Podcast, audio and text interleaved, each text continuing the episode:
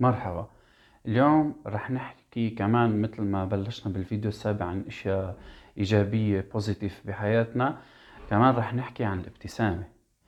الابتسامة شي كتير مهم. يعني بتكسر كتير حواجز.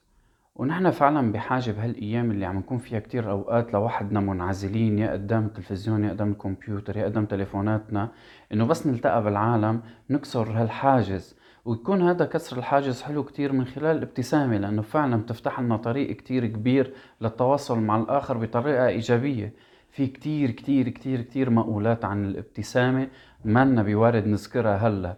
بس هي هالنصيحة الصغيرة بهالقطشة الصغيرة عم تسمعوني فيها إنه ما بنخسر شيء هي فعلا شيء مجانية. بذكر كمان مثلا زياد الرحباني حكي عنا بجملة أو تنسب له الجملة. إنه حاولوا تبتسموا عموما للناس معلش هيدي لا على الكهرباء ولا على البطارية لا على البنزين ولا على المازوت. شغلة ما رح تزيد شي على مصروفك. فعلا هي شي كتير مجاني.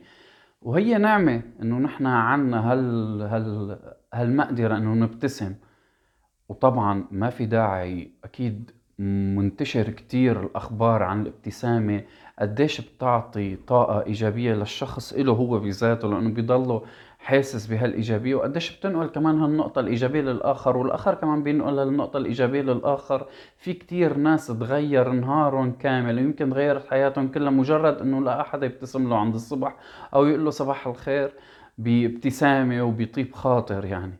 وكمان كتير بنقرا وكتير بنسمع عن إنه الابتسامة حتى جسديا التأثير على جسمنا كتير كبير إن كان من الدماغ يلي هو جزء من الجسم وبيستفيد بهرموناته من الابتسامة. وكمان على كل الجسم وعلى العضلات وعلى القلب وعلى النبض وعلى ضغط الدم كله كله فعلا بيتأثر إيجابيا بهذا الشيء اللي نحن اخذينه بنعمة مجانية من الخالق. فكتير مهم إنه نمشي بخطوة إيجابية. حتى لو الأمور ما هينة الحياة ما سهلة في عنا كتير كتير ضغوطات بالحياة. بس ممكن هالشي المجاني الصغير هالابتسامة الصغيرة اللي ممكن نحن نعطيها لحدا أو ناخدها من حدا أو حتى لما بنبتسم لحدا بنكون عم نعطيها لحالنا تغير لنا كل نهارنا وفعلا تخلينا نتخطى. إذا ما فكرنا بهالإيجابية ما رح نقدر نتخطى شيء وفي كتير حوادث عن عن الابتسامة جميلة كتير. واحدة من الحوادث اللي بذكرها أنا إنه كان عندي صديق رجل دين مسيحي كاهن بيقول إنه كان بإحدى الرعايا بيشوف في ناس بيجوا على الصلاة يعني وما أوقات كان بيكون بوقت بكير كتير الساعة سبعة ونص الصبح. فيوم من الأيام قالوا له بتعرف ليش نحن بنجي ومنصلي معك؟ نحن منسوق تقريبا بوقت ساعة ساعة ونص بس تنيجي رغم إنه هن عندهم خلاف مع المسؤول الرئيسي عن الرعية يعني الكاهن الرئيسي للرعية ولكن بيجوا بيحضروا لهذا الكاهن بس لانك بتبتسم.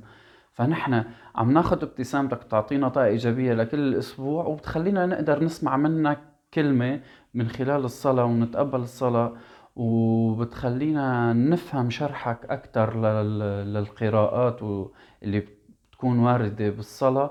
حتى نطبقها بحياتنا بشكل أكبر. يعني فعلا هذا الشخص قدر يوصل لقلوب العالم بس من خلال ابتسامته قالوا نحن عم نجي بس لأنه أنت بتبتسم. وحوادث كتير صايرة مع كل واحد فينا وكل شخص فينا صايرة معه حادثة بتخليه فعلا يآمن بالابتسامة. ابتسموا الابتسامة حلوة. بأي شكل كانت. بيقولوا في ابتسامة حلوة وابتسامة بشعة وابتسامة صفرة وبت...